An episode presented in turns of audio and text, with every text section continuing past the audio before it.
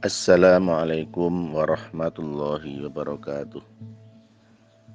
Alhamdulillah alladzi arsala rasulahu bil huda wa dinil haqq liyudhhirahu 'ala ad-din kullih wa kafa billahi shahida.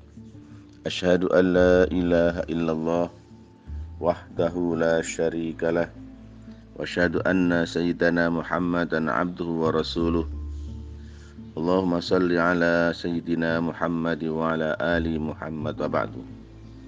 يا أيها الذين آمنوا اتقوا الله حق تقاته ولا تموتن إلا وأنتم مسلمون. يا أيها الذين آمنوا اتقوا الله وقولوا قولا سديدا. يصلح لكم أعمالكم ويغفر لكم ذنوبكم. Man yuti'illaha wa rasulahu faqad faza fawzan azima. Kaum muslimin dan muslimat rahimakumullah. Seorang mukmin ketika beriman kepada nabinya, maka salah satu kewajibannya adalah mencintai nabi yang menjadi utusan Allah Subhanahu wa taala. Seseorang akan sulit mencintai nabinya ketika tidak mengenal sosok dan pribadi nabi yang wajib diimaninya. Maka sesungguhnya mengenal jejak Rasulullah Sallallahu Alaihi Wasallam, mengenal kehidupan dari semua sisinya adalah bagian dari upaya untuk meningkatkan rasa cinta kita kepada baginda Nabi Muhammad sallallahu alaihi wasallam sebagai implementasi dari al-iman bir rusul. Salah satu yang harus kita fahami bersama bahwa di dalam surah Al-Anbiya 107 Allah berfirman A'udzu billahi minasyaitonir rajim wa ma arsalnaka illa rahmatan lil alamin dan tiadalah kami mengutus kamu melainkan untuk menjadi rahmat bagi seluruh alam. Ya. Artinya betapa besar peran Nabi kita Nabi Muhammad sallallahu alaihi wasallam dan tentu umatnya penebar kebaikan di seluruh alam ini maka sudah selayaknya kita mengenal kehidupan beliau Nabi Muhammad SAW. Kali ini kita coba mengenal beberapa peristiwa yang terjadi menjelang lahirnya Rasulullah Muhammad Wasallam. Karena Rasulullah adalah manusia istimewa, tentu ada beberapa peristiwa-peristiwa penting yang mengiringinya. Kita semuanya memahami dan tahu bahwa Rasulullah SAW itu lahir di kota Mekah. Lahir di kota Mekah. Dari seorang ibu yang mulia, yakni Siti Aminah. Dan seorang bapak yang juga mulia, yakni Abdullah. Beliau dilahirkan pada tanggal 12 Rabiul Awal tahun gajah. Dikatakan tahun gajah karena ada peristiwa kedatangan Raja Berhah bersama bala tentaranya dari negeri Yaman yang mereka bergerak ke Mekah dengan mengendarai gajah untuk menghancurkan Ka'bah. Nah, kalau kita runutkan dengan tahun Masehi, maka Rasulullah itu lahir pada tahun 571 Masehi tepatnya adalah pada tanggal 20 April 571 Masehi. Assalamualaikum muslimin rahimakumullah. Sejarah telah memberikan sebuah catatan penting.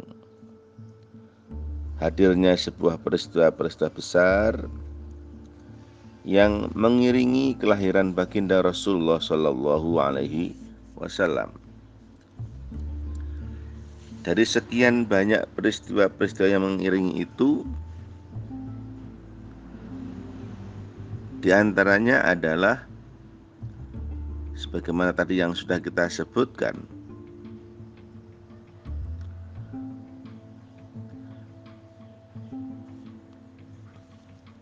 hancurnya pasukan gajah ya. Rasulullah dilahirkan pada saat pasukan gajah ini datang ke Mekah yang dipimpin oleh Raja Abraha. Target utamanya adalah menyerang Ka'bah. Abraha ini adalah seorang raja. Dia penguasa di Yaman. E, ada kecemburuan dan tamaknya pada Raja Abraha itu. Kenapa orang-orang pada datang ke Mekah mereka mengelilingi Ka'bah. Padahal di Yaman sudah ada gereja. Maka dibangunkanlah oleh Raja Braha itu gereja yang sangat besar yang bertempat di kota San'a. Apa tujuan pembangunan gereja besar itu? Tiada lain adalah memalingkan orang-orang yang datang ke Mekah itu agar berpindah ke Yaman. Berpindah ke Yaman, berpindah di ke gereja yang dibangun oleh Raja Abraha. Sehingga dengan kedatangannya ini dengan dengan berduyun-duyunnya manusia datang ke Yaman ini harapannya akan mendatangkan pemasukan yang besar bagi kerajaan dan Raja Abraha. Ternyata usaha ini gagal total. Meskipun Raja Abraha ini sudah membangun gereja dengan dana yang besar, dengan gereja yang sangat besar, fasilitas yang luar biasa, namun tidak ada manusia yang condong untuk berpindah ke ke Yaman ya ke kota San'a di mana di situ ada gereja yang luar biasa besarnya. Karena keinginan dia untuk menggeser kedudukan Ka'bah yang selalu ramai didatangi oleh banyak orang dari berbagai negara ya maka kegagalan inilah yang menjadi sebab yang disebab Raja Braha ini melakukan penyerangan terhadap kota Mekah, melakukan ekspansi besar-besaran dengan tentara yang besar, dengan tentara yang besar, jumlah pasukan yang banyak, ditambah dengan persenjataan dan kendaraan yang luar biasa. Ya, gajah sebagai kendaraannya tentu luar biasa. Ya. Ya. Namun sekali lagi Allah Subhanahu wa taala menjaga Ka'bah ini dan akhirnya Allah Subhanahu wa taala menurunkan dan mengirim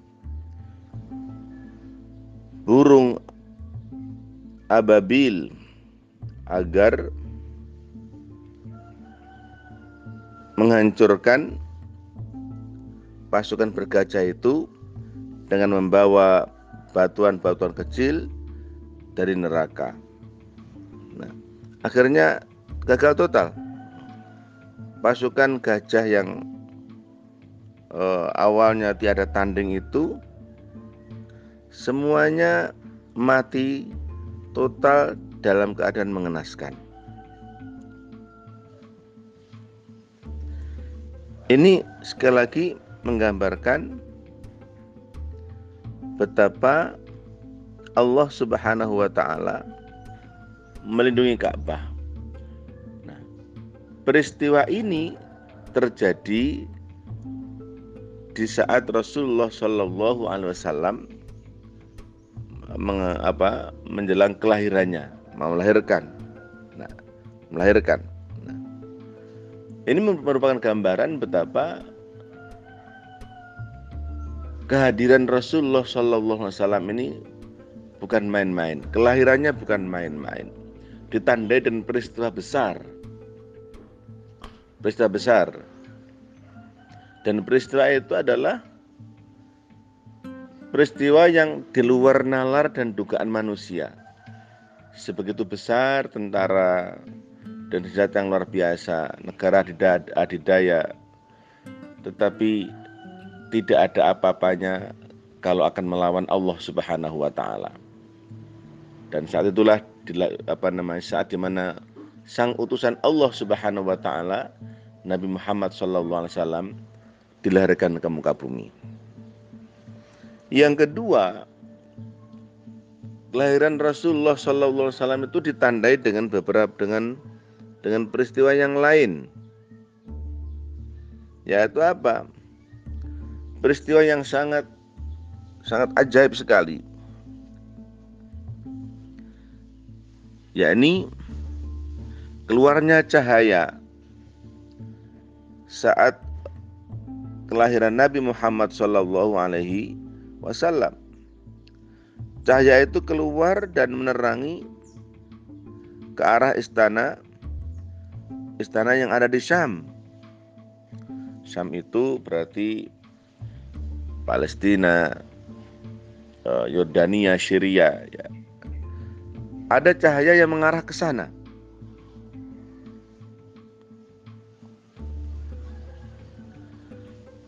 Jika peristiwa tadi yang pertama pasukan gajah tadi diabadikan oleh Allah Subhanahu wa taala dalam surah Al-Fil. Nah, keluarnya cahaya ini keluar cahaya uh, di saat lahirnya Rasulullah itu diabadikan dalam sebuah riwayat dan dari Ibnu Sa'ad dan Imam Ahmad Ibnu Sa'ad menyampaikan meriwayatkan bahwa Aminah ibu Rasulullah sallallahu wasallam beliau berkata setelah bayiku lahir aku melihat ada cahaya yang keluar dari jalan lahirnya menyinari istana-istana Syam. Ini kan luar biasa ya. Dan kita lihat Peristiwa ini memberikan sebuah isyarat bahwa kelak Islam ini Islam yang diajarkan Rasulullah SAW yang dibawa Nabi Muhammad SAW itu akan sampai pada negara Syam, kawasan Syam. Kawasan kawasan Syam itu waktu itu masih dikuasai oleh kerajaan Romawi dan eh, kita semuanya memahami dan tahu ya, kita bisa lihat dalam sejarah di Syam itu ternyata memang menjadi negeri muslim pada akhirnya. Di sana ada Baitul Maqdis ya, di Palestina, Baitul Maqdis ya, yang dibebaskan oleh apa? dibebaskan pada masa Khalifah Umar bin Khattab. Bahkan pada masa Khalifah eh, pada masa khilafah Bani Umayyah, Bani Umayyah itu salah satu pusat kekhilafahannya itu ada di Damaskus, di Syria. Ya. Ini sekali lagi isyarat yang luar biasa. Jelang lahirnya Rasulullah Muhammad Shallallahu Alaihi Wasallam. Yang ketiga, peristiwa yang mengiringi kelahiran baginda Rasulullah Wasallam itu adalah runtuhnya 14 balkon Istana Kisra. Ya. Istana Istana Kisra. Nah, runtuhnya 14 balkon Istana Kisra ini terjadi menjelang kelahiran Rasulullah Shallallahu Alaihi Wasallam. uh, Imam Al-Bahaqi itu menyampaikan bahwa peristiwa ini seakan memberi syarat bahwa nantinya negara Persia, ya, maksudnya ada ada Iran, ada ada Irak, ya, itu akan jatuh ke, ke tangan kaum muslimin. Ya. Diruntuh, apa runtuhnya 14 balkon di istana Kisra eh, apa yang ada di di Syria apa yang ada di mana di Persia ini ya. dan itu mereka merasakan sesuatu ini ada apa ada peristiwa apa sehingga ada apa namanya 14 balkon yang kokoh itu tiba-tiba apa runtuh. Bagi mereka ini adalah alamat dan ternyata uh, itu benar. Persia pada akhirnya jatuh. Ya, jatuh. Yang terakhir adalah jatuhnya Persia itu pada perang Al-Qadisiyah. Setelah itu Persia yang senada negara Irak dan Iran jatuh dalam genggaman kaum muslimin dan terjadi perubahan luar biasa hadirnya kesejahteraan eh, Arab bagi rakyat Persia setelah dipegang oleh kaum muslimin. Yang keempat adalah eh, orang Majusi itu punya tradisi ibadah yaitu menyembah api. Nah, yang api ini tidak pernah padam. Ya. Nah, menjelang lahirnya Rasulullah SAW ini apa? Ada peristiwa besar, ini padamnya api yang biasa disembah oleh orang-orang Majusi. Nah, di kemudian hari ya, yang api-api yang sembilan majusi yang nggak pernah padam itu tiba-tiba padam. Di kemudian hari dari situ banyak sekali kaum muslim apa eh, pengikut-pengikut majusi itu yang berpindah agama masuk dan memeluk agama al-Islam. Salah satunya adalah sahabat yang terkenal Salman al al Farisi Salman al Farisi nah, ini apa peristiwa yang mengiringi kelahiran Rasulullah Sallallahu Alaihi Wasallam. Ada lagi peristiwa yang lain yang mengiringi ke kelahiran Rasulullah adalah runtuhnya gereja di Buhaira. Ya, di Buhaira. Runtuhnya gereja ini bukan sekedar roboh tapi ambles di telan bumi. Ya. Ambles di telan bumi. Ya. Ini apa? Beberapa peristiwa besar yang mengiringi uh, peristiwa kelahiran Rasulullah SAW dan semua disebutkan oleh uh, seorang ahli sejarah, ya, pengarang uh, apa buku kitab Ar-Rahiqul Maktum, ya, dan Syekh Safiyur Rahman Al Mubarakfuri. Ya. Beliau menyantumkan peristiwa-peristiwa ini dalam kitab sirahnya. Ya. Maka kalau kita melihat ini, ternyata manusia agung itu tidak sembarangan. Lahirnya saja, ya, kelahirannya saja disertai dengan peristiwa-peristiwa yang sangat besar. Ya. Ya, semoga kita dengan mengetahui, memahami eh, peristiwa-peristiwa uh, besar yang terjadi di saat Rasulullah SAW ini lahir, menjadikan cinta kita kepada baginda Rasulullah Sallallahu Wasallam menjadi lebih kuat lagi karena beliau bukan sembarang manusia tapi dia beliau adalah utusan Allah dan diutus ke muka bumi ini dia dan adalah sebagai rahmatan lil alamin. Wa ma arsalnaka illa rahmatan illa rahmatan lil alamin. Sekian. Assalamualaikum warahmatullahi wabarakatuh